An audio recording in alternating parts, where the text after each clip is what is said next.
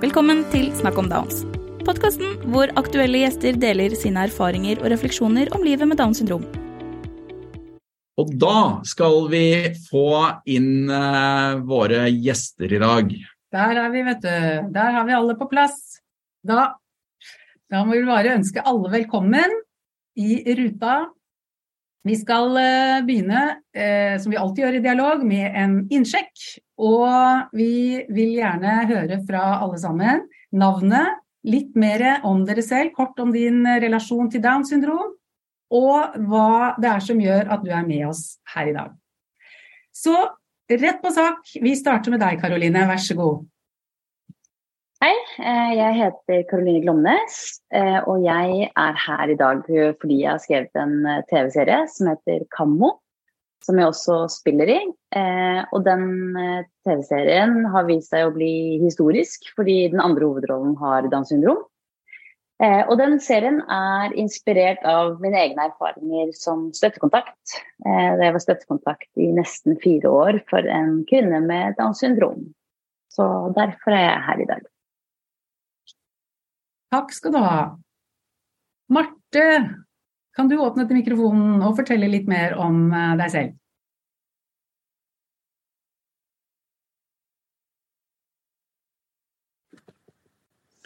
Det er jeg på. Hei, Marte. Kan du si litt, si litt om deg og hva som bringer deg her? Mm. Ja, jeg heter Marte Goksøyr. Eh, skuespiller, forfatter og samfunnsdebutant. Er den første norske kvinnen som har fått Bjørnstjerne Bjørnstjernprisen. Eh, jeg vet ikke hva mer jeg skal svare på. Hvorfor jeg er her. Jeg blir invitert til å bli med. Fordi jeg, jeg selv har Downs syndrom. Mm. Flott. Takk. Takk, skal du ha. Takk skal du ha, Vi gleder oss til Martin. å ha deg med. Så er det Karen. Karen Synnøve. Ja, Karen Synnøve. Ja, jeg heter Karen Synnøve Blokkenflø. Og um, ja, relasjon til Downs syndrom Først og fremst er jeg forelder til et barn eh, med Downs syndrom. Eh, jeg har fire barn, og mitt yngste barn som er seks år, hun heter Liv, og hun har Downs syndrom.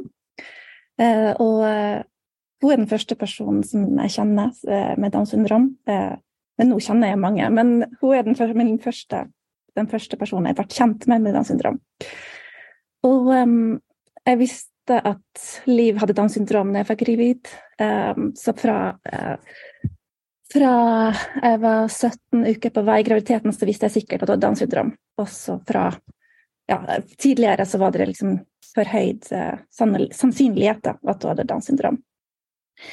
Så var jeg gjennom en ganske uh, spesiell periode med fosterdiagnostikk eh, sommeren 2016. Og det Den situasjonen var veldig eh, For meg så var det veldig omhvelvende. Det kanskje er et svensk ord. Jeg bor i Sverige. Helt Omristende eller omskakende. Liksom. Det var virkelig ja, det var en utrolig sterk eh, opplevelse i livet. For jeg følte jeg ble stilt i et etisk dilemma av dimensjoner som jeg aldri har vært tidligere eller seinere. Eh, og um, eh, ja, og det skapte et stort engasjement hos meg eh, for, eh, for eh, egentlig en samfunnsforandring da, når det gjelder synet på personer med Downs syndrom. Um, ja. Uh, og eh, ja, nå er jo Liv seks år, og eh, jeg jobber, jeg jobber Jeg bor i Stockholm, og jeg har bodd der i 17 år. Og jeg jobber på Svenska Downforeningen, som er en lignende forening som Downs syndrom Norge. En ideell forening. Ja, med først og fremst foreldre og personer som har Downs syndrom, som er medlemmer. Ja. Mm, ja, men det var litt om meg. Tusen takk. Takk skal du ha. Da er det Birgitte. Hei, jeg heter Birgitte Bergerud Larsen, bor i Sandefjord med mann og tre barn. Der midterste jenta har Downs syndrom. Hun heter Ida og er tre og et halvt år. Full av liv og øh, vilje om dagen. eh, verdens deiligste jente. Så derfor jeg er her i dag. Mm. Takk skal du ha. Jan Inge. Ja, jeg heter Jan Inge Kvamme, er 43 år, bor på Notodden. Eh, I 2010 ble jeg far til en jente som heter Iben. Og i 2013 ble jeg far til en gutt som heter Syver. Eh, han er ni år i dag, for de som er kjappe i hoderegning. Og han har Downs syndrom, så jeg er pappa til en gutt med Downs syndrom. Så det er derfor jeg er her i dag. Tusen takk skal dere ha. Eh, da vet alle litt mer om hvem vi har med oss i dag. Og ja, alle har relasjon til, eh, til temaet og sitter på litt forskjellige perspektiver, så vi gleder oss til fortsettelsen. Og for å eh, nå komme i gang og innlede dialogen vår som eh, vi skal ha i den nærmeste timen eller rundt sånn, så vil vi ta en runde til. Og da ønsker vi at du deler dine første eh, erfaringer og, og refleksjoner eh, rundt dette temaet med, med, fordommer knyttet til Downs. Eh, dere får inntil tre minutter eh, hver i denne første runden. Det blir mange muligheter til å ta ordet igjen, så, så, dette er bare sånn for å få de første tankene og refleksjonene og de erfaringene du har lyst til å dele sånn med en gang. Så eh, vi starter denne runden med Karen Synnøve, tenker jeg. Ja, men eh, Ja. Eh, skal si at fordommer kring Downs syndrom så finnes det jo generaliserende tanker kring Downs syndrom som er utbredt i samfunnet. Eh, og jeg hører ofte uttalelser begynner sånn eh, Folk med Downs, de Eller ja. Og så, så kommer det en setning rundt det. Og jeg tenker at det kan absolutt være eh, stigmatiserende og begrensende eh, å bli bemøtt med den type fordomsfulle holdninger. Da.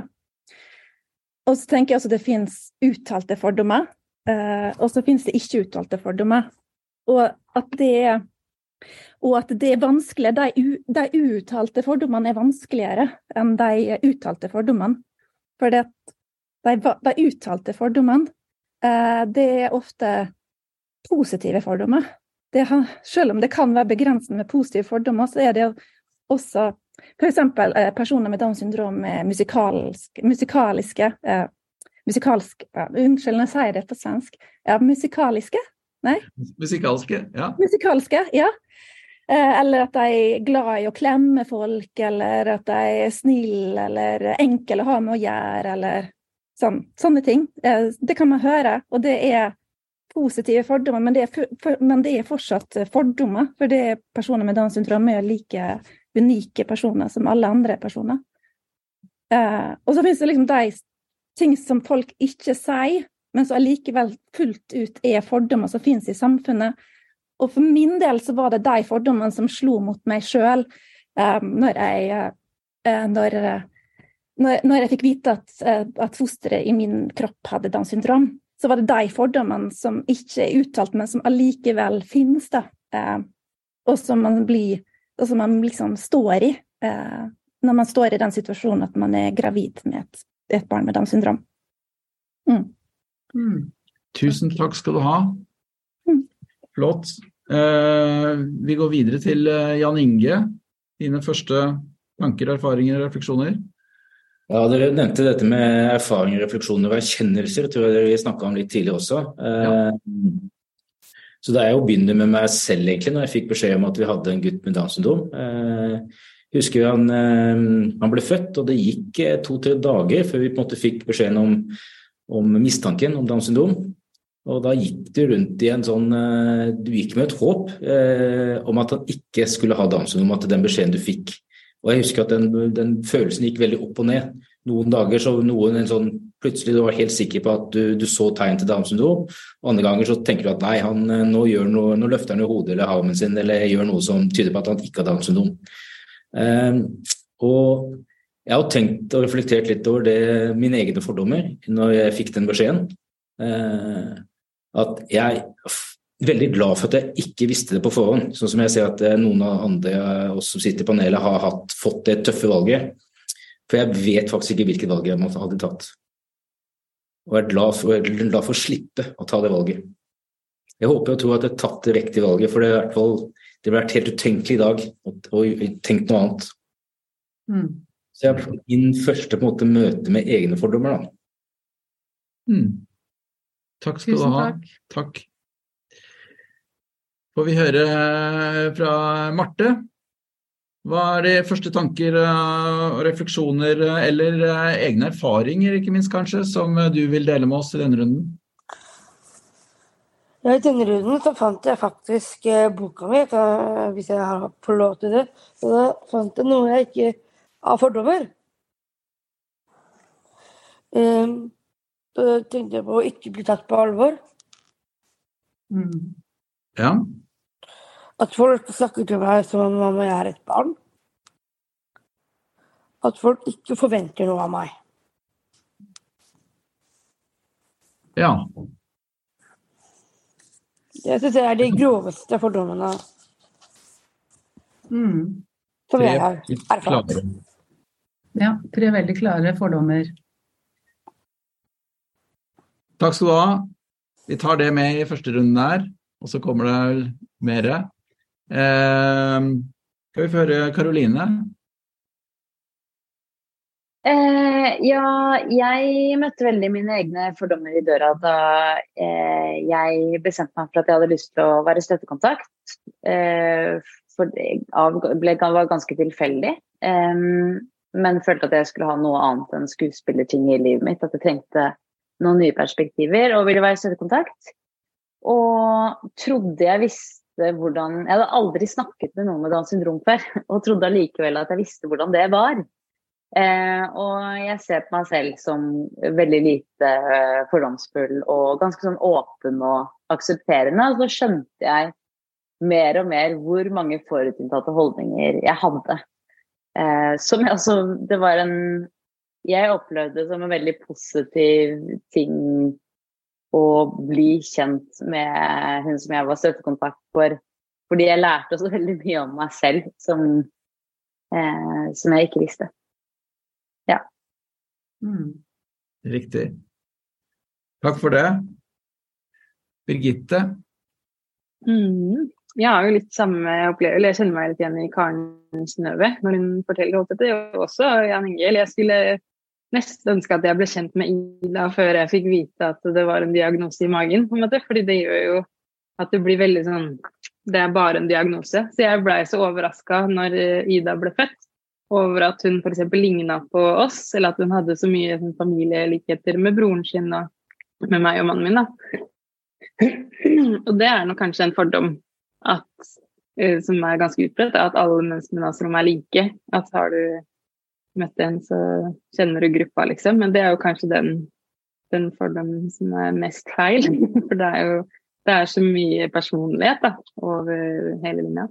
Um, og så merker jeg jo også at jeg, jeg, møter meg selv i døra fortsatt, selv om Ida er tre og et halvt år og jeg har fått et stort nettverk med mennesker med Downs syndrom.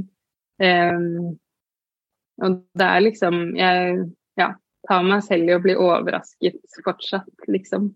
Uh, selv om jeg også ser på meg selv som en uh, fordomsfri person. Men så tror jeg det også handler om at um, altså ting som er ukjent, er jo ofte litt sånn skummelt og litt sånn det, det, har man noen meninger om, på en måte. Eh, det være seg homofili eller religion eller etnisitet osv. Det gjelder jo alle, det gjelder jo mange grupper, ikke, eller ja, mange minoriteter. Um, så det er jo ofte ikke vondt ment, det er bare fordi man ikke kan nok eller kjenner personer. Um, ja. Så det er, det er noe med å liksom bli kjent. Mm. Mm. Takk for det. Takk. Det var en fin uh, første eh, runde fra alle sammen her. Mm. Og eh, det er jo flere her som, som er, er, foreldre og som møtte på egne fordommer da i forbindelse med å få barn. Vil, vil dere si litt mer om det, og, og hvilke fordommer som, som, traff dere, og litt hvordan det var å, å, være i møte med egne fordommer når de kommer til overflaten? Vi sier ordet er fritt her nå. Da bare åpne mikrofonen. Kanskje Synnøve har gjort det, så. Ja. ja, hun var rask. Ja, nei, jeg tenker på Jeg hadde Jeg ble liksom bare overøst av alle mine uh, uttalte fordommer når jeg fikk vite at uh, barnet hadde Downs syndrom. Virkelig. Det var sånn uh, og, og, egentlig fordommer som jeg ikke visste at jeg hadde. men også at jeg ble bemøtt ble bemøtt av helsevesenet, så ble jeg bemøtt som at det her var noe veldig trist. da. Det ble bemøtt som at nå skulle de gi meg en veldig trist beskjed.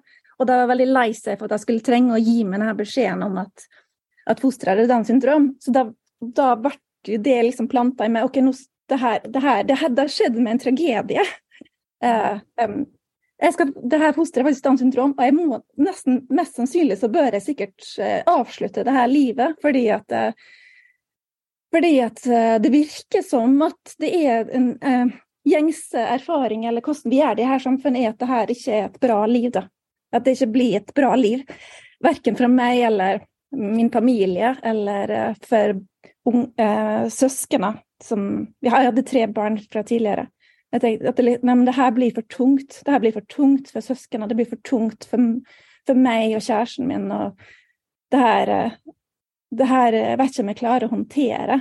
Uh, ja, og så kom det sånne helt sånne urasjonelle ting som eh, også, ja, men, altså, Det var jo også urasjonelt, men det her er også sånn Kan, kan vi bo, bo, fortsatt i en leilighet? Går det an å bo i en leilighet? Eller må vi, må vi flytte på landet? Eller, det var helt sånne ting som eh, også Men som jeg også har hørt fra andre foreldre etterpå, da, at, eh, at man får sånne tanker, og tenker at de tankene ikke er at de tankene er uttrykk for noen strømninger da, i samfunnet, eller liksom uttalte ting i samfunnet eh, kring Downs syndrom. Mm. Ja, for hva er det som ligger bak disse strømningene du sier, som ligger bak det at den type tanker da lett kommer opp hos, eh, hos de som skal eh, bli foreldre til et eh, barn med Downs? Jeg tenker at uh, det finnes en veldig, veldig sånn streber at, liksom, at, man skal bli vellykka og man skal ha gode karakterer, man skal se bra ut og man vil gjerne ha uh, liksom, barn som reflekterer veldig mye av seg sjøl og liksom Jeg vet ikke. det en slags vellykkahet som, og, i det, i den, og i det bildet av hva som er en vellykka familie eller vellykka liksom, liv, eh, så passer det ikke helt inn. Man liksom blir avvik fra eh, liksom, eh, det som er, liksom, blir sett på som det beste livet, eller noe. Jeg vet ikke. Noe, noe sånt. Hva tenker du andre? Kjenner det igjen veldig. Og det, jeg tror det er liksom, behovet for å planlegge og ha kontroll, på en måte. Det er jo litt sånn når man får et det er, det er, det er en følelse av å miste kontrollen litt. fordi det er noe helt nytt. Og så er det jo en veldig kjent diagnose, men samtidig så er det ikke så mye forskning, i hvert fall ikke i Norge, som er gjort annet enn liksom akkurat det medisinske og sånn. Så det er vanskelig å um, Ja.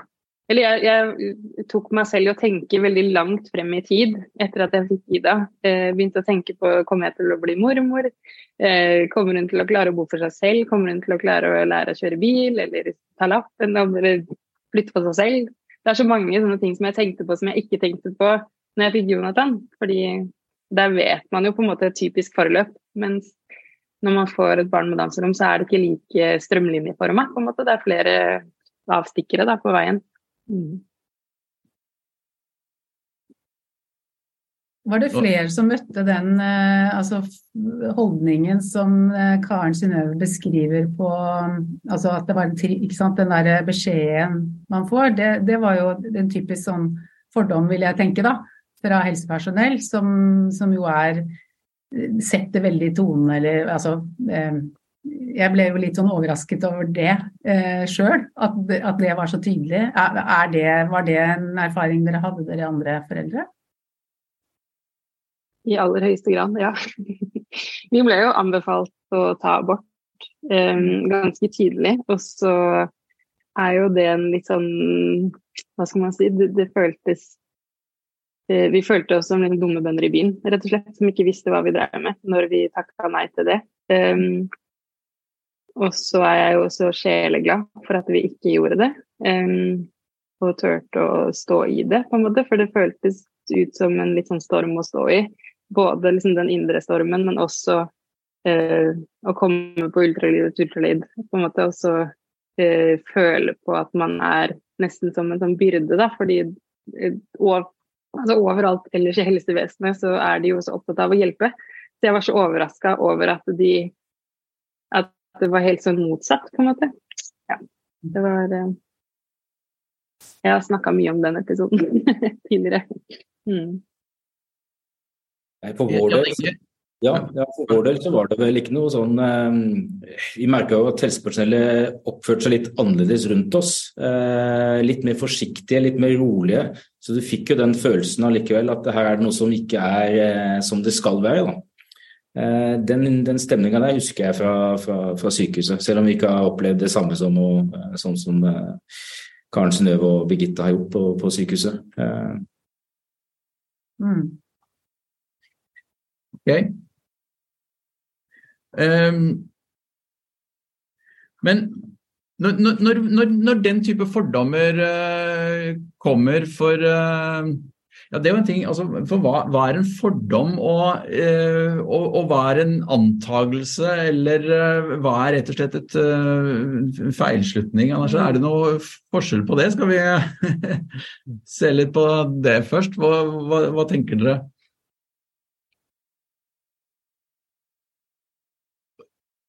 Var det noen som vil prøve seg på definisjon på, på en fordom eh, versus en antakelse, eller? Marte? Usikkerhet. Ja. ja. Det er uttrykk for usikkerhet. Det tenker jeg òg veldig mye. Mm. Noen andre her?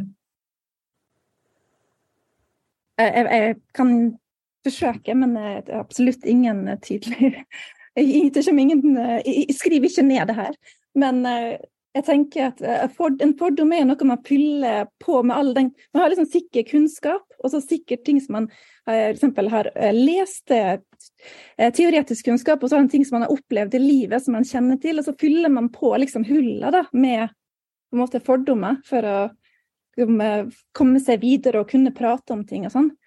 Um, så det er ikke alt Og det, noen fordommer er jo sanne også, til det viser seg best. Men det, liksom, før man vet det, og før man Så er det jo en antagelse på en måte om grupper som For eksempel at uh, for eksempel, uh, Man kan jo tenke seg at fordommen, eller tanken at de fleste personer med Downs syndrom har en intellektuell funksjonsnedsettelse, uh, tidligere, før det var liksom, forska på det, Uh, før man hadde tall på det, så var jo det en fordom, uh, for at man visste ikke. Men nå er det jo det er gjort studier på det uh, som viser at det, det, er sånn for de fleste personer med Downs syndrom. Da er det ikke lenger en fordom, men da er det jo kunnskap, tenker jeg. Mm. Mm. Men hva er det disse fordommene gjør med oss? Altså hvordan kommer de til uttrykk? Eh, og hva, hva kan vi gjøre med det? Altså det, det, som du sier på, fra sykehuset, det er jo noe som da påvirker veldig hvordan dere tar det. Og det samme er det sikkert fordommer som, blir, som man blir møtt med eh, i samfunnet som gjør noe med situasjonen med dere, med barnet. Hva, hva, er de, hva, er de, største fordommene som faktisk liksom virkelig gjør noe drastisk med livet eller med, med, med situasjonen. Det har jeg lurt litt på. Karoline? Ja, jeg tenker bare at, eh, at, fordommer er en helt naturlig del av samfunnet. Og, altså, at vi ikke skal være så redd for fordommer. Men at det er viktig at eh, fordommer blir diskutert, og at man søker seg til en sannhet eller sånn som kanskje Synnøve sa, at, at, hva som er fakta og hva som bare er antakelser fordi man fyller i, i noen hulrom, da. Eller tomrom som eh, man ikke på spørsmål ikke får besvart. At eh, vi, vi, må bare snakke sammen og slutte å ha så berøringsangst. For å, da får man heller si feil ting eh, noen ganger. Og, men da vi kommer oss ikke nærmere hverandre. Eller det blir ikke noe mer interessant interessante samtaler ved å bare eh, ikke, snakke, ikke fortelle om fordommene sine. Eh, og det kan jo være vanskelig sikkert også sånn til foreldre. Eh, nå kjenner jeg ikke, jeg har ikke noen i min omgangskrets som har et barn med Downs syndrom, men det er sikkert mange ting som jeg hadde syntes vært vanskelig å spørre om. Eh, enn foreldre med men, men, det tenker jeg at er så viktig at vi gjør. Eh, fordi hvis ikke så får Det er liksom Trolf sprekker i solen. tenker jeg at Hvis man bare snakker om ting, så er det ikke så veldig farlig, eh, egentlig. Og da kommer vi nærmere. Ja. Mm. Det, ja, og, og, og du, har jo, du, har jo, laget en serie hvor, uh, hvor uh, fordommene kommer frem veldig tydelig. Mm. Uh, du er kanskje langt mer tydelig der, selvfølgelig, enn de ofte blir uttalt til vanlig. Hvor det kanskje ja. er litt eh, skjult. Men, eh, men hva er de mest vanlige fordommene som, eh, som, personer med Downs blir møtt med? Marte, du, du nevnte noen i, i sted. Ikke blir tatt på alvor, og det at det ikke forventes noe av deg, sa du. Og også Bli oppfattet som et barn. Bli oppfattet som et barn. Har du noen erfaringer på det, har du ikke det? Som, eh, kan du dele det med oss? Jeg kan. Jeg, jeg kan, jeg kan prøve. Mm. Eh, jeg skulle søke til jobb på, på Nav. Det var ikke bare meg, det var flere også. Men jeg var den som da hadde Downs syndrom. Men i hvert fall hun lederen hun behandlet oss som at, liksom, som en barnehagetante, liksom. Og vi var liksom barna i barnehagen, på en måte. Mm. Og, og, hvordan opplever du når du blir møtt, uh, møtt med sånne fordommer uh, i ren handling på den måten, hvordan opplever du det?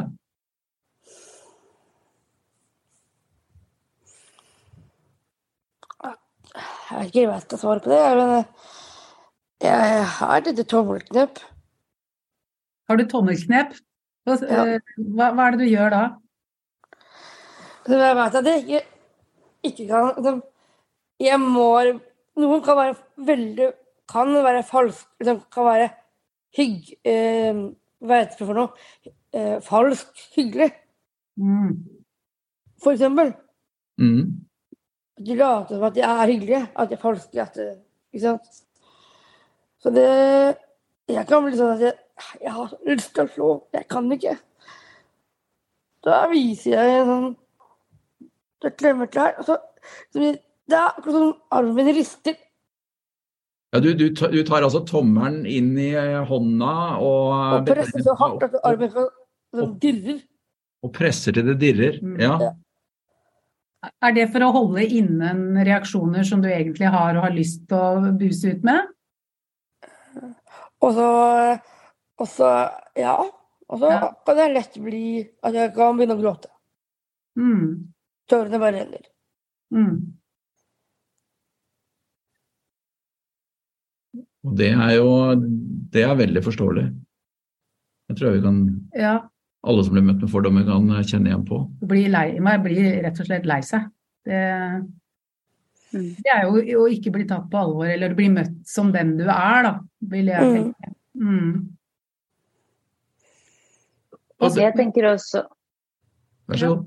Jeg tenker også at um, uh, min opplevelse er at det er veldig mange som vi var inne på, altså positive uh, fordommer.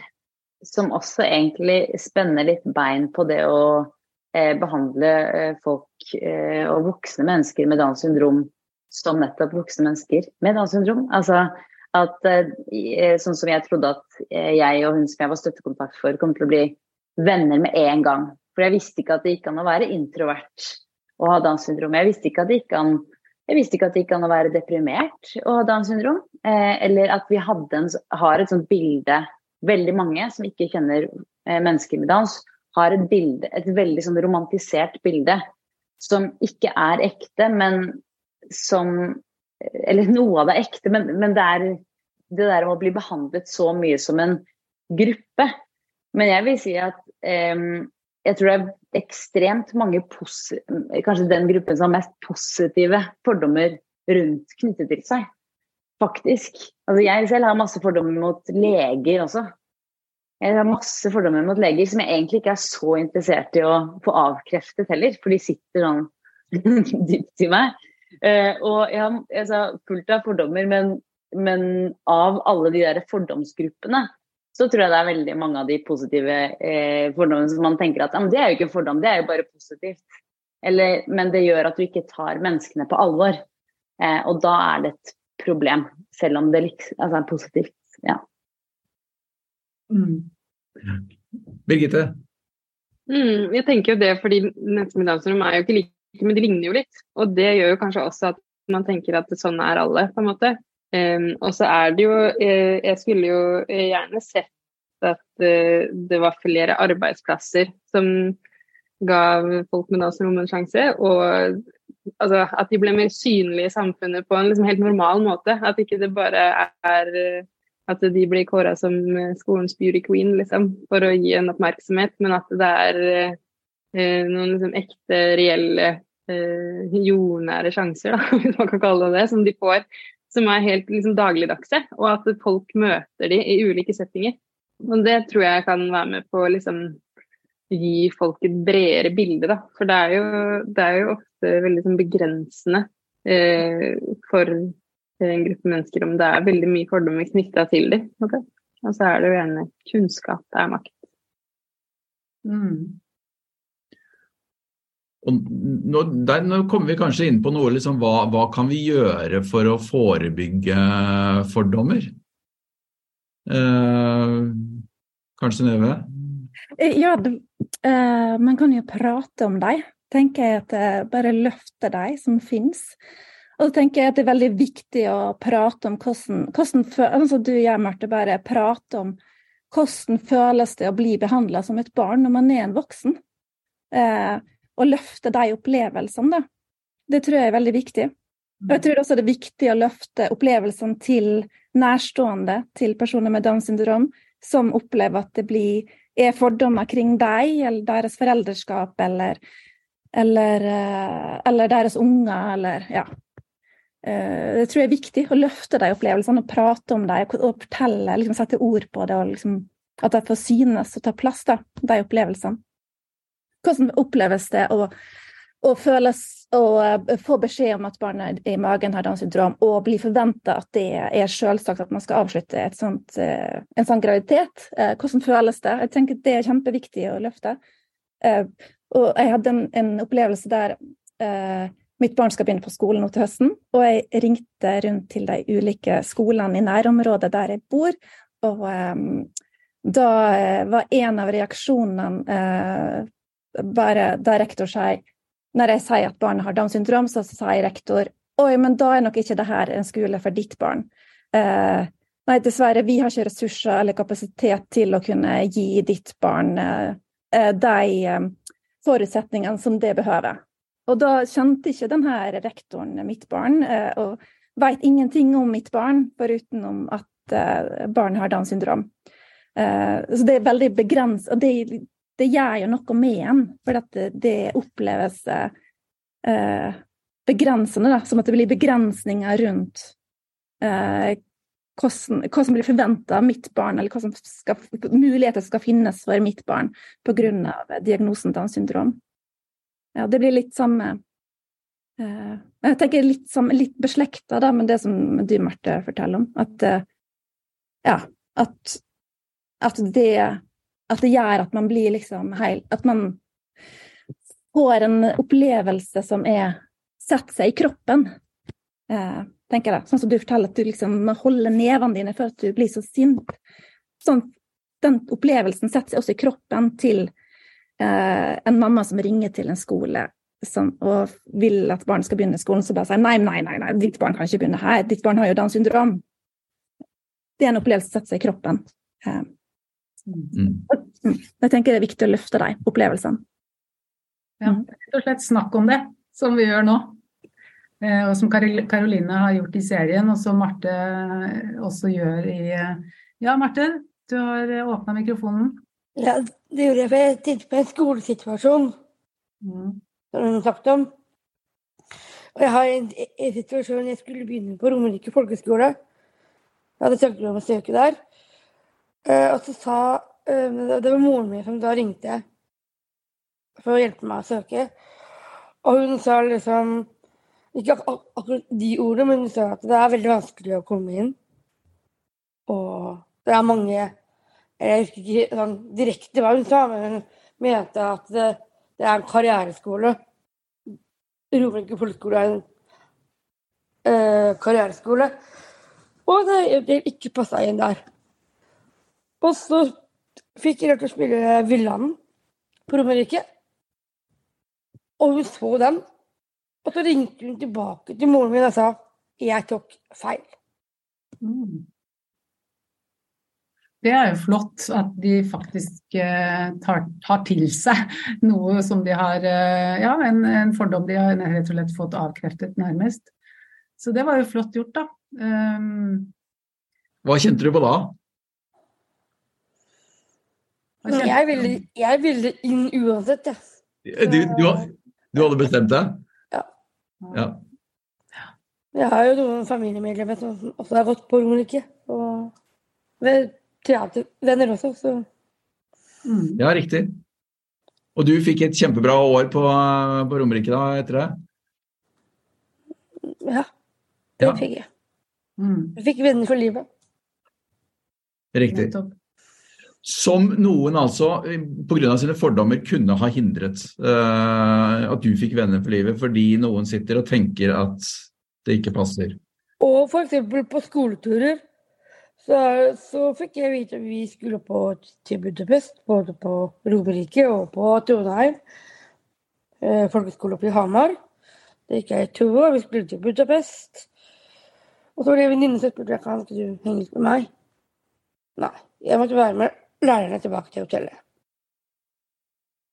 Mm. Og det andre, og på, to, på Romerike så fikk jeg soverommet til rektor og var helt fortvila. Så du, du, ble fratatt muligheten til å, å, være sammen med de andre vennene dine øh, og elevene på tur fordi at øh, Fordi jeg har Downs syndrom. Fordi du har Downs syndrom, og de da forutsetter et eller annet men eh, hva, de, men hva med de andre elevene som drikker seg fulle? De er mer funksjonshemmede enn jeg er. Ja, det Det kan du si. Det, det kan man trygt si. Ja. Nei, men Det er opplevelser som, eh, som, sitter hos deg, og som du Hvordan tenker du, hvordan kunne du ønske at det var, eh, Marte? Hva mener du? Nei, hvordan kunne du ha ønsket at, at rektor forholdt seg til, det, til deg der? I den situasjonen? Ja, nå er det en stund siden, da, men, uh, men At hun kunne stole på meg. Ja, stole ja. på deg, nemlig. Mm. Jeg tenker litt på hvilke, hvilke, begrensninger som uh, legges på personer med Downs syndrom eh, pga. de fordommer som, eh, som, vi da har, som trolig er pga. manglende kunnskap og erfaring. Mm. Ja, for min del så er det jo skoler som ikke er så inkluderende. Teaterhøgskolen, jeg søkte der fire, fire ganger. De mente at jeg er velkommen til audition, men de vil ikke De sa det face to face. Du kommer ikke inn. Vi vil ikke ha deg der. Mm. Ok. Nå er ikke de her i dag til å, til å uh, kommentere det, så jeg tror vi lar den ligge. Men ja. Det var din opplevelse, i hvert fall på den. Ja. Men, ja. Jeg, jeg, ser eh, at vi har eh, lyst til å ta inn her, for jeg ser at vi har fått et spørsmål i, eh, i chatten. Mm. Eh, som er et spørsmål til Karoline. Eh, Hvilke fordommer eh, har du vært opptatt av å belyse eller bryte gjennom Kammo-serien? Det er et fint spørsmål. Oi, ja, det er mange. Eh, Altså Downs syndrom det, altså, det, er jo på en måte bare én del av serien. Jeg føler at det er tematikk både med det å løse begge, både Kammo og Camilla trenger å løsrive seg fra mødrene sine. Eh, og jeg ville vel at de skulle være At man skulle se hvor like de var, da. Eh, at de hadde egentlig litt mer til felles. Eh, kanskje mer enn at de er like, og at de eh, trenger hverandre. Eh, så det har ikke vært sånn én sånn ting som jeg har tenkt sånn Denne fordommen har jeg lyst til å belyse. da ville det bare vært mer å vise et helt menneske eh, med Downs syndrom. Og jeg var ganske opptatt av at jeg ikke ville lage en sånn hva skal jeg si, en Downs syndrom-guru som skulle sitte og hun hadde svar på alle ting. Fordi det er ikke min opplevelse. Eh, jeg ville ha et, et, et, helt menneske som også har sine feil, på samme måte som Kam. Hun prøver også å komme seg ut av, ut av situasjoner. For de som har sett serien, sånn når de blir stoppet av politiet, så prøver jo Kammo først med influenserting og det hun kan. Og når ikke det funker, så prøver Camilla-karakteren med det hun har, som er Downs syndrom, som hun ofte kommer seg ut av situasjoner med. Så jeg ville ja, jeg vil kanskje si ikke behandle folk med Downs syndrom som en gruppe, eh, var det viktigste. Eh, å ha en, eh, ha en, karakter med eh, egen vilje og eh, ja, egne, egne mål og ønsker for sitt liv, da. For Camilla i serien vil jo leve et liksom farligere liv. Ikke bare disse politisk korrekte medisinstudentene eh, som vil gå tur på Folkemuseet. Um, og bli, vil bli behandlet som en voksen. Det, det er mange, altså, jeg kjenner at det er, det er mange ting som jeg eh, går men, men både Kam og Camilla blir jo behandlet som barn av mødrene sine på hver sin måte. Eh, og jeg syns jo det er veldig interessant med hvordan, hvilke forventninger vi blir møtt med. Eh, hvordan det påvirker oss. Eh, og Kammo, influenseren i serien, hun har blitt møtt med null forventninger. Forventningene hun har blitt møtt med fra sin mor, er å se pen ut, og hun har lært seg at det er hennes verdi. Mens Camilla, eh, som har jo en mor som er mentalcoach og foredragsholder, eh, og, og, prøver å overse at datteren har Downs syndrom, egentlig, eh, og stiller altfor høye forventninger til datteren sin som ikke er realistiske. Så ingen av mødrene lytter til døtrene sine, og det er kanskje der de også eh, møtes, på en måte. Men jeg har tenkt litt på det, for det er etter den serien Jeg bare tenkte på det eh, du, Birgitte, sa, om at etter serien eh, Nei, det å få folk med Downs syndrom til å være en naturlig del eh, av samfunnet. Og etter at denne serien kom, så er det mange som har takket meg og sagt at jeg er så snill. og det har jeg tenkt veldig på, fordi min, om jeg er snill eller ikke, det, det, føler jeg ikke Det har ingenting med serien å gjøre. Det er veldig hyggelig at, å bli takket for det, det, er, det, setter jeg pris på. Men at jeg er snill, det, det Jeg har ikke laget denne TV-serien for å være snill mot noen. Jeg har ikke, Caitlin spilte ikke den TV-serien eh, for, at jeg skal være, for at jeg skal være snill mot henne. Hun spiller der fordi hun er en god skuespiller, eh, passet til rollen eh, og er en ressurs. Eh, det er ikke en sånn, den serien er ikke en veldedighetsidé, eh, på en måte. Eh, og det syns jeg er egentlig litt viktig å få fram. og jeg tror Ja, det er bare en Jeg syns det er en god historie eh, om disse to menneskene som møtes. Ja. Jeg vet ikke om jeg svarte på spørsmålet. Jeg tror jeg gjorde det. Ja. Absolutt. Svarte fint. Er det noen ja. andre som vil, uh, som vil uh, kommentere eller legge til noe, eller uh, tenkte på noe for noen refleksjoner underveis her?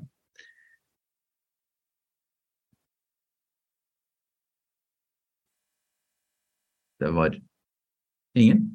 Nei? Jeg vil litt tilbake til det vi snakka om litt tidligere, eh, om, eh, om eh, hva vi kan gjøre mot Downs syndrom, eller en fordommer mot Downs syndrom. Jeg tenker at det er litt, eh, litt sånn utfordringer eh, som jeg kanskje har opplevd eller ser litt, det at eh, det å bli tatt alvorlig når du forteller en historie om, om fordommer eller om livet med Downs syndrom, så blir du møtt med den at det er bare solskinnshistoriene som blir skrevet om avisa. Og, og når jeg, jeg, kjenner veldig få i, som jeg kjenner med, som har et familiemedlem med Downs, som bare forteller solskinnshistorier. Jeg kjenner ingen som gjør det.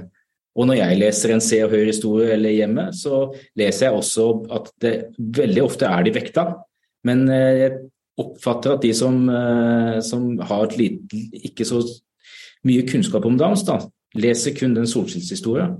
Eh, så det er noe med at det er ikke bare nok å være synlig der, men det er også en jobb å bli fremstille det på en måte som, som blir oppfatta riktig av folk. da. Nå, akkurat sånn, da tenker jeg du kommer kanskje inn på noe som, jeg, som, eh, som egentlig Karoline var litt inne på, også dette med altså Er, kanskje den største fordommen at vi tenker at alle med Downs er like, og behandler dem som en sånn én uh, homogen gruppe? Uh, ikke ser mangfoldet her? Jeg stiller bare spørsmålet. Dere Ja, jeg tenker at eh, det er en utfordring. Eh, eh, for det det jeg håper for, for Syversen del, så er at han blir møtt for, for Det blir jo nevnt det der med at jeg hørte i går noen som at, som har en sønn med Asperger, som sa at har du møtt en med Asperger, så har du møtt en med Asperger. Og det gjelder vel for Downs syndrom også. Jeg håper jo at de som møter syver, møter syver først og blir kjent med syver. Eh, og ikke har den der Downs syndrom-brillene på, da. Eh, jeg har en forventning om det, egentlig. Mm. mm. Der, eh, vi har en, Magnus, som ønsker å stille Ja, hva kan vi gjøre for å bryte fordommer? Vi som har kunnskap og erfaring, kan korrigere og gi motstand når noen i våre omgivelser uttrykker fordommer. Det er et spesielt ansvar og en mulighet vi som er rundt mennesker med Downs syndrom har, skriver han. Og det er, altså, jeg tenker Det handler jo veldig mye om akkurat det vi snakker om nå, dette med, med kunnskap og forståelse for at alle er unike. Eh, og det med å bryte de fordommene, det er jo nettopp det både det Karoline gjør kanskje, og det Marte gjør, med å være altså, tydelig på, på hvem, hvem, vi er, da. Og, og, ikke være så redd for å både stille spørsmål, men også si ja, men da blir jeg lei meg, for jeg er ikke sånn. men hva, hva, tenker dere om det? Hva, for det er noe, kan vi, hva kan vi gjøre for å bryte fordommene som tross alt eksisterer, da? Hva er viktig? Jeg tenkte litt på det som Marte sa i stad når hun uh, opplevde dette med å bli plassert på rommet med rektor. Så uh, jeg håper at Marte sa tydelig fra at uh, det syns jeg ikke var greit. Jeg kjenner meg selv igjen når jeg Det er litt av når du møter, møter liksom den her milde fordommene, hvis du kan kalle det det, da, i, i hverdagen. Eh, så har jeg ofte tenkt på at du, hvis, du hvis, du, går og ikke har det, har det, har det så bra da, en dag, og så spør noen hvordan du har det, så sier du Nei, jeg har det bra, jeg har det fint. Det går bra med meg. Eh, selv om du kanskje ikke har det. Og jeg opplever det ofte hvis jeg ikke har overskudd til å ta den diskusjonen med noen som, eh, som jeg møter disse milde fordommene, hvis jeg kan kalle det det, da. Så er det ikke alltid jeg har overskudd til å ta den kampen. Men, eh, og det er en bevissthet eh, hos meg òg at jeg burde vært flinkere til å ta den Ta også de små kampene. Eh, selv om du kanskje ikke føler at du har overskudd til det den dagen. Mm. Mm, komme i dialog med folk. For det, jeg tror, som Marte sa, det handler også mye om usikkerhet av de, de som da ikke er, uh, har kjennskap til noen med Downs syndrom, eller en antakelse om noe. Altså, men, men, utrygghet og usikkerhet tror jeg ofte det handler om. Så hvordan kan man møte det på en konstruktiv måte som det faktisk blir læring av? da? For det er jo det jeg tror egentlig mange trenger. Litt sånn læring å bli møtt med noen som, som, som er ærlig og si, tilbake. Martha har jo noen erfaringer som eh, hvor, hvor, det kanskje kunne være en veldig opplysende ting å si. Hvordan, hvordan dette treffer. Marte, du, hvordan møter du eh, fordommer når, eh, når, du får de rett i ansiktet? Ja, det forklarte jeg jo i stad. Ja, du, sa, du, fortalte du gjør den, eh, det knepet. Men sier du i Men Samtidig så skjønner jeg at tårene bare renner, og det gjør jeg faktisk under denne samtalen nå. For ja. det er et viktig tema. Det er bra vi snakker om det, men jeg skjønner at jeg gråter innvendig. Mm. For dere snakker noe som jeg har. Ja. Mm. Og, og, det er også noe av det som kanskje er vanskelig. Vi eh, må snakke snakke om det for å kunne behandle temaet, eller for å, for å, gjøre noe med det, og samtidig så er det vil det være vondt. Jeg, jeg tror det er viktig at Norge trenger å bli At vi alle trenger å bli hørt og, og respekt til mennesket. Mm. Mm. Absolutt. Jeg tror vi trenger mer av det som Karoline var inne på i stad. Altså, ikke den berøringsangsten, da, men å være litt mer tydelige på når vi møter de der hverdagsfordommene, eh, og si fra tydelig. Eh, Mm. Jeg er enig i at Da, eh, Karen Synnøve først, og så Karoline. Nei, men absolutt. Jeg tror det er viktig å påpeke når man blir sjøl utsatt.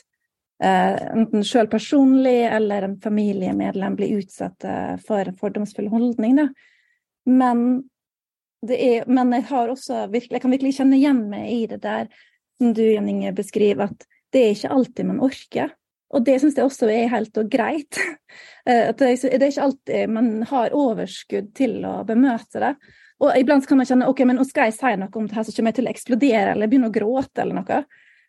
Og det liksom, for mye, Iblant kan kjenne at det, som, det blir for krevd for mye av eh, foreldre til personer med Downs syndrom og personer med Downs syndrom, og sjøl liksom hele tida være den som skal liksom kjempe sin sak. da.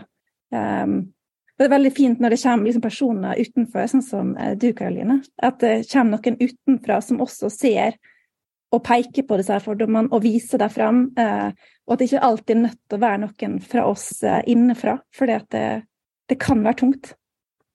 Mm. Ja, og det tror jeg at Jeg tror at de Altså, folks fordommer kommer ikke fra Stort sett ikke fra et vondt sted. Det kommer fra at de ikke vet og er redde for å spørre fordi eh, de føler at det er et betent tema, eller vet ikke hva eh, Om det er ubehagelig å snakke om. Eh, at, eh, så jeg tror det også er, er viktig at det er folk som er De er bare dumme. De bare vet ikke De har ikke lært ennå. De, de vet bare ikke bedre ennå. ja. Det tenker jeg. Og så tenker jeg også veldig at uh, nettopp det der med at uh, hvis jeg hadde hatt en datter med Downs syndrom også, er det der med at det er et litt for stort ansvar uh, å skulle hele tiden være den fanen og irettesette. Og jeg tror jo kanskje at jeg ikke hadde Jeg tror det hadde vært vanskelig å skrive denne serien hvis jeg hadde vært nærmeste pårørende til en med Downs syndrom. Eh, fordi jeg hadde vært altfor redd for at eh, eh, for å såre. Og jeg var jo veldig, veldig spent da vi skulle vise serien. Eh, fordi det er så mange drøye replikker og drøye fordommer eh, som kommer fram. Så da vi skulle, jeg skulle vise serien for Caitlin og Brenda eh, De vet om dette her, vi har snakket om det, men de var jo da eh, de jeg, jeg, Det var det mest nervøse jeg har vært i hele eh, i hele prosessen. For jeg kan takle at mange ikke liker det, eller ingen vil se det. Det skulle jeg klart å ta. Men hvis, hvis Caitlin og hennes familie hadde syntes at de hadde gått over noen grenser, eller eh, jeg ikke hadde fått fram hjertet i serien, det, det vet jeg ikke hvordan jeg hadde klart å takle. Eh, så det var så utrolig sånn lettende når de Jeg ser at de ler, og de skjønner greia. Eh, for dette er De vet om disse fordommene. Eh, det er egentlig ikke noe nytt. Det er bare veldig nytt at det blir sagt direkte og rett i ansiktet til eh, en med Downs syndrom, eller en gruppe med Downs syndrom for den saks skyld. Eh, Det er det som er nytt, men de fordommene er jo ikke noe nye. Eh, Så det Ja. Det har jeg respekt for. Mm. Det oppleves vel egentlig veldig befriende å, at det kommer frem på den måten. Jeg, jeg, jeg har jo Ja, så bra. ja. Ja, det tenker jeg. Og den, eh, det, er, det er noe med den direkte måten du, eh, du tok det opp i den serien. Det burde kanskje vært langt flere sånne serier om, eh, alle, Om mange temaer. Ja. hvor Mm. berøringsangst og, og hvor vi kunne være mye mer direkte. Eh, Birgitte, har du, har du noen, noen refleksjoner, noe du vil legge til her? Eh, både ja og nei. Jeg, tenker jo veldig mye når jeg sitter her og hører og nikker og er enig.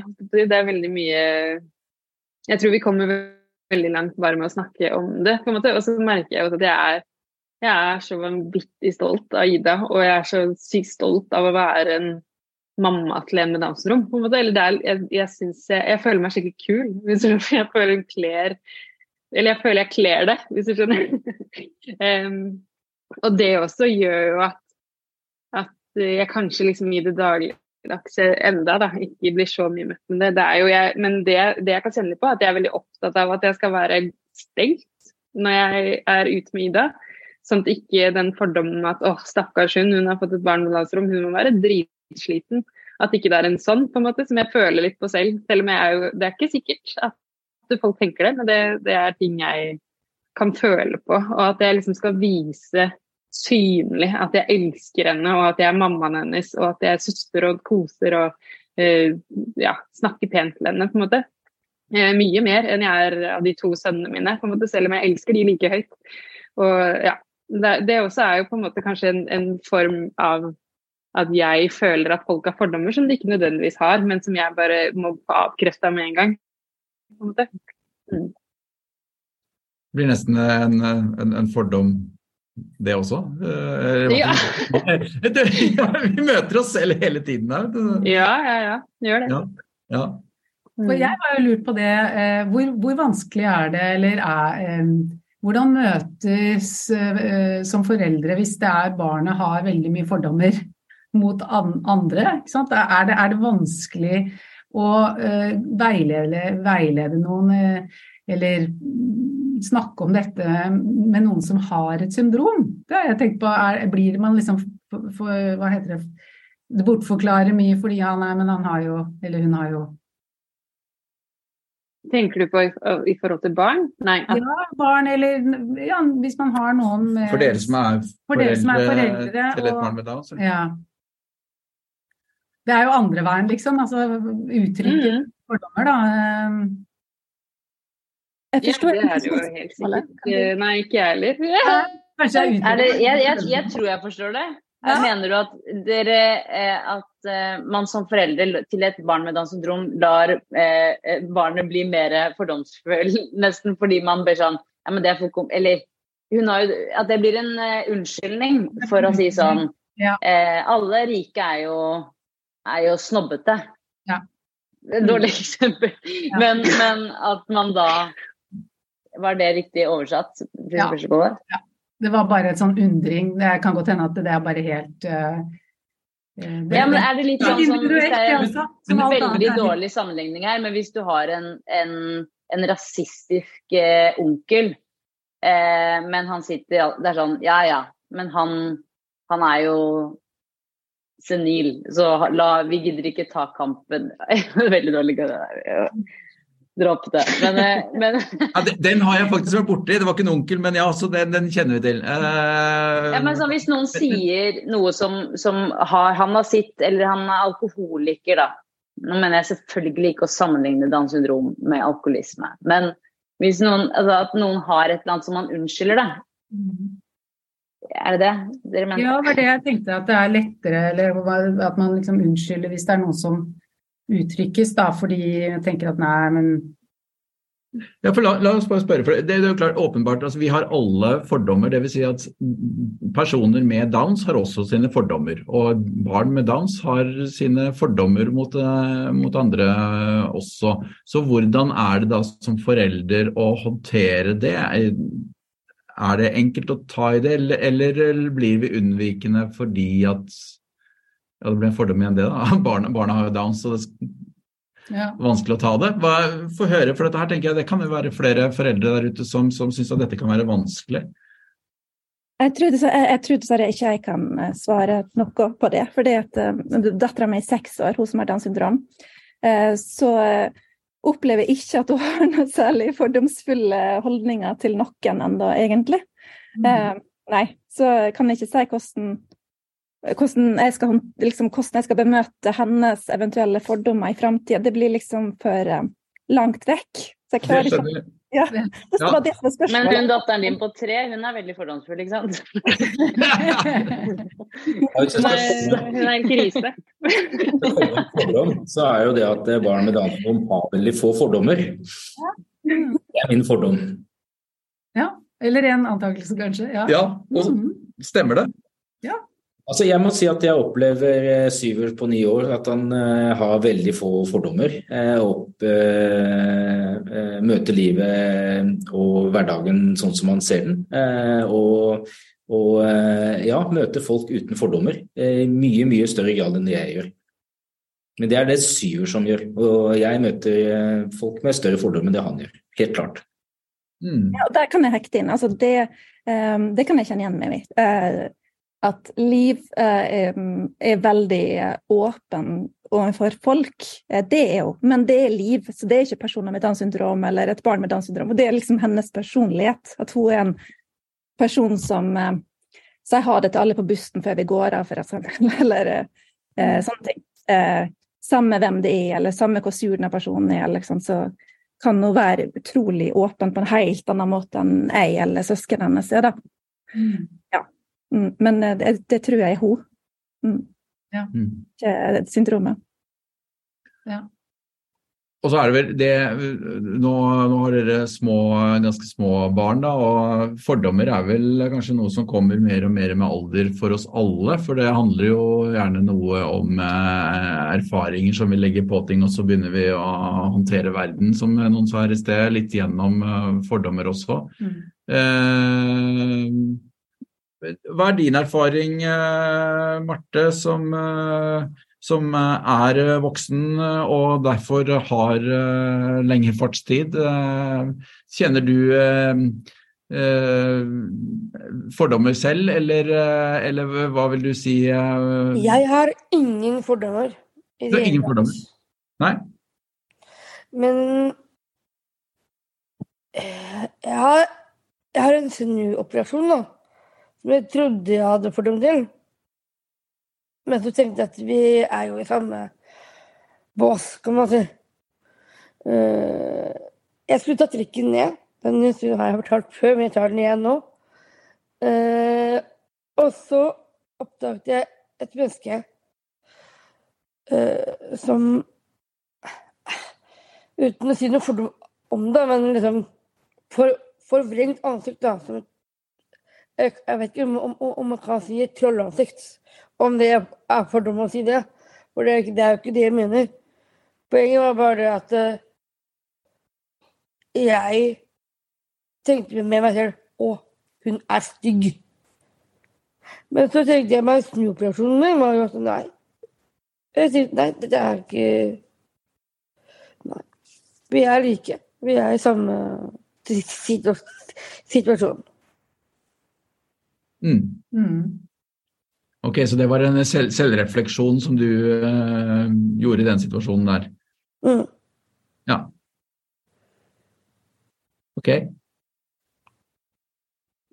Jeg tenkte jeg skulle egentlig ville um, komme tilbake til en ting som Jan Inge sa om det her med hvem, det som, hvem er personer med Downs syndrom som får synes. da? For jeg tror at det er noe som gjør at fordommer får liksom, ehm, Altså negative fordommer får bedre grogrunn, tror jeg.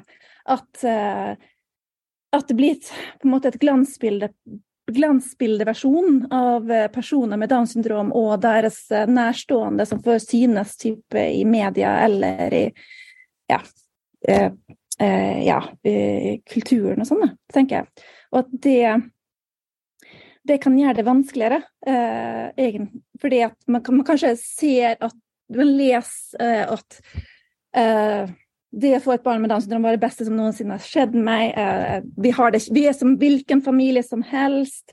Eh, det er ingen utfordringer i, liksom, i det her foreldreskapet, f.eks. For eksempel.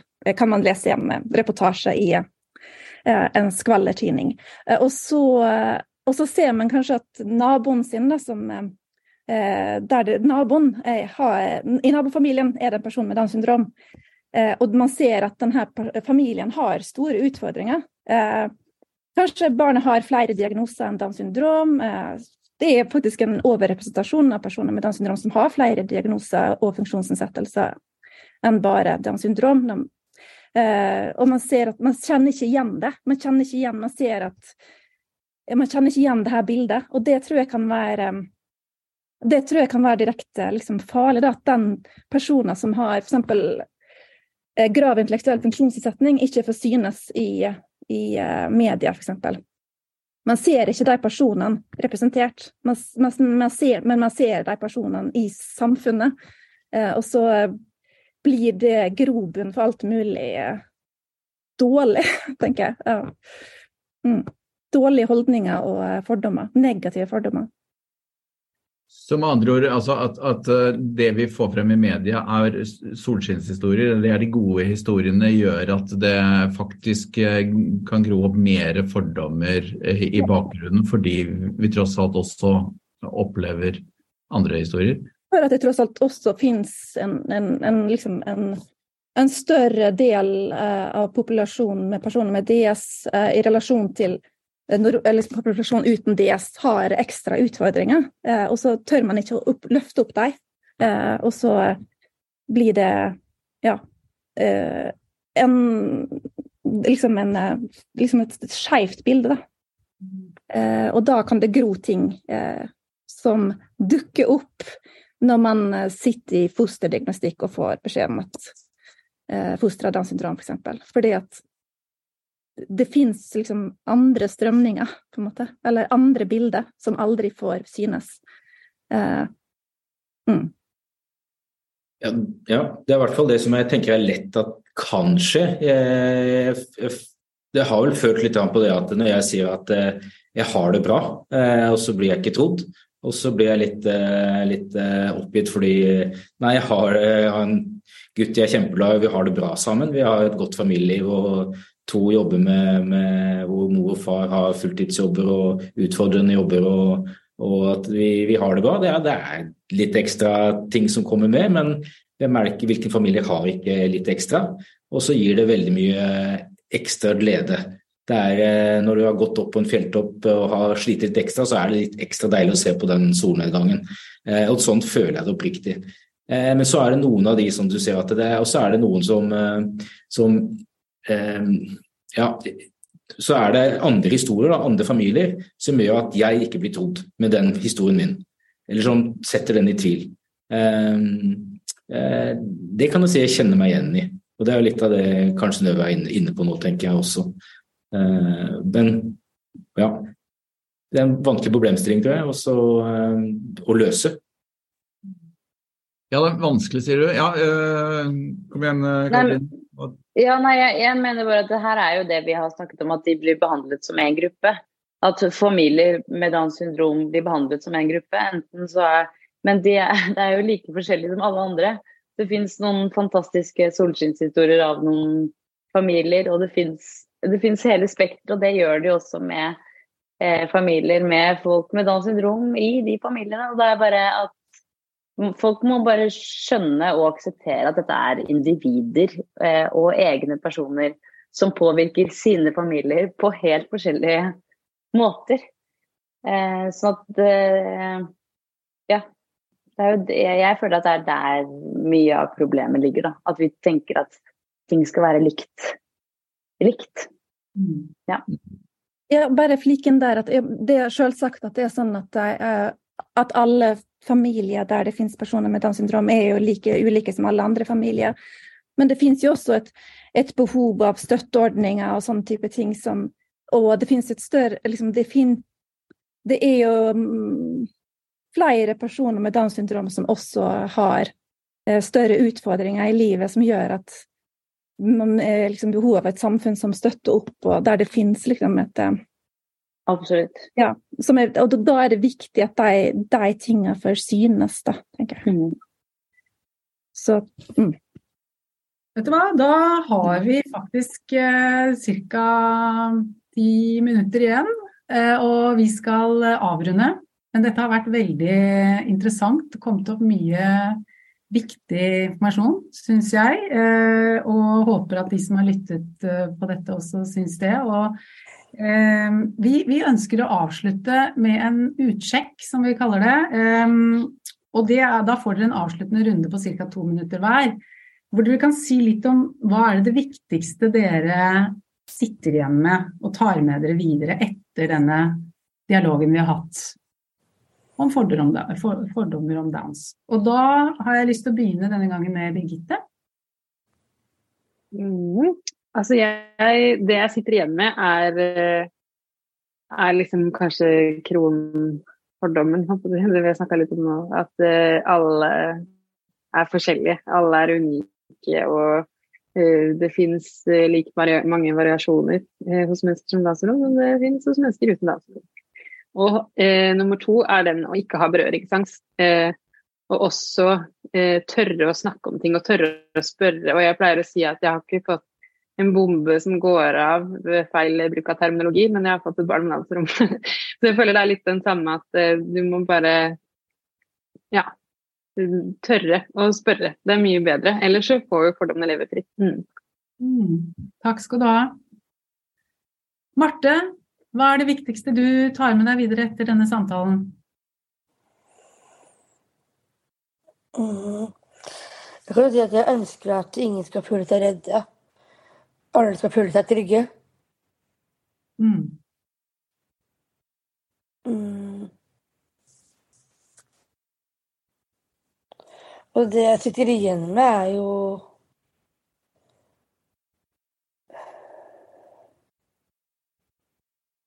Nei, tårene begynte å rønne her, for vi snakker om et, et, tema som var ganske ømt for meg. Mm. Men det er viktig at Norge får høre det. Det er viktig å snakke om det. Mm. Mm. Takk skal du ha, Marte. Jan Inge? Um, jeg sitter igjen med altså Jeg tenker at jeg skal prøve å være litt mer bevisst på å ta de små kampene. Uh, for jeg ser at det er viktig også å jobbe videre med de Eh, de negative fordommene og de positive også, eh, som følger med som mennesker med Downs syndrom ofte blir utsatt for. Eh, så en bevisstgjøring på, på, på det, det kommer jeg til å ta med videre. Mm. Takk skal du ha. Karen Synnøve? Eh, jeg tenker at det tar med meg eh, det at hvordan det kan føles for en person med Downs syndrom å bli utsatt for disse her eh, fordommene. Eh, sånn som du beskriver så utrolig bra, Marte. Det synes jeg er veldig Det tar jeg med meg, for det, eh, det er noe som man trenger å vite. Og det kan man ikke vite om man ikke opplever det sjøl, eller fått høre hvordan det er å oppleve det. Eh, det tar med meg det, hvor skadelig det kan være. Eh, at, å bli bemøtt på et forminskende måte, som det er med de negative fordommene. Mm. Takk skal du ha. Karoline?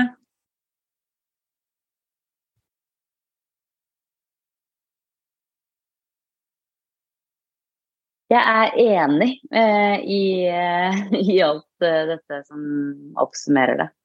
Um, og det føles veldig viktig. Eh, og altså, alle kan jo gjøre litt.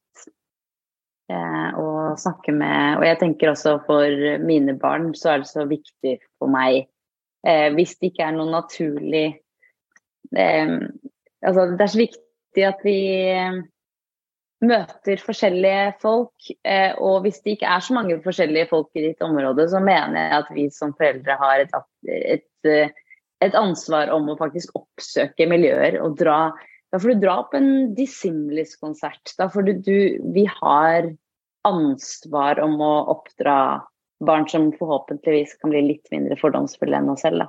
Uansett om de har Downs syndrom eller ikke. Mm.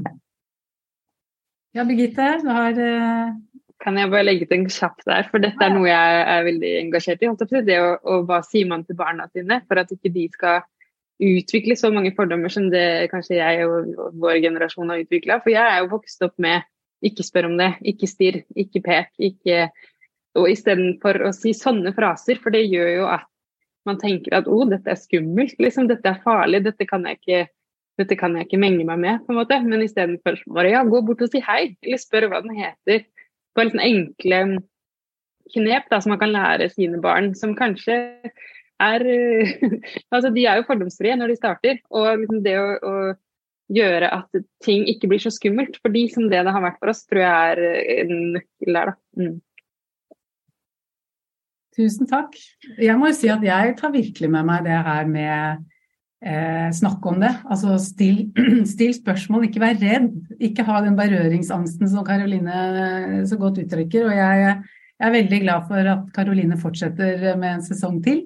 For jeg tror at det er nettopp den måten eh, du har gått inn i det eh, med humor og med sånn direktehet, uten å være det er bare nysgjerrighet. Det er, det er uvitenhet eller eh, tro som bare kommer veldig tydelig fram. Sånn kunne vi kanskje ha behandla mange uh, tabubelagte temaer.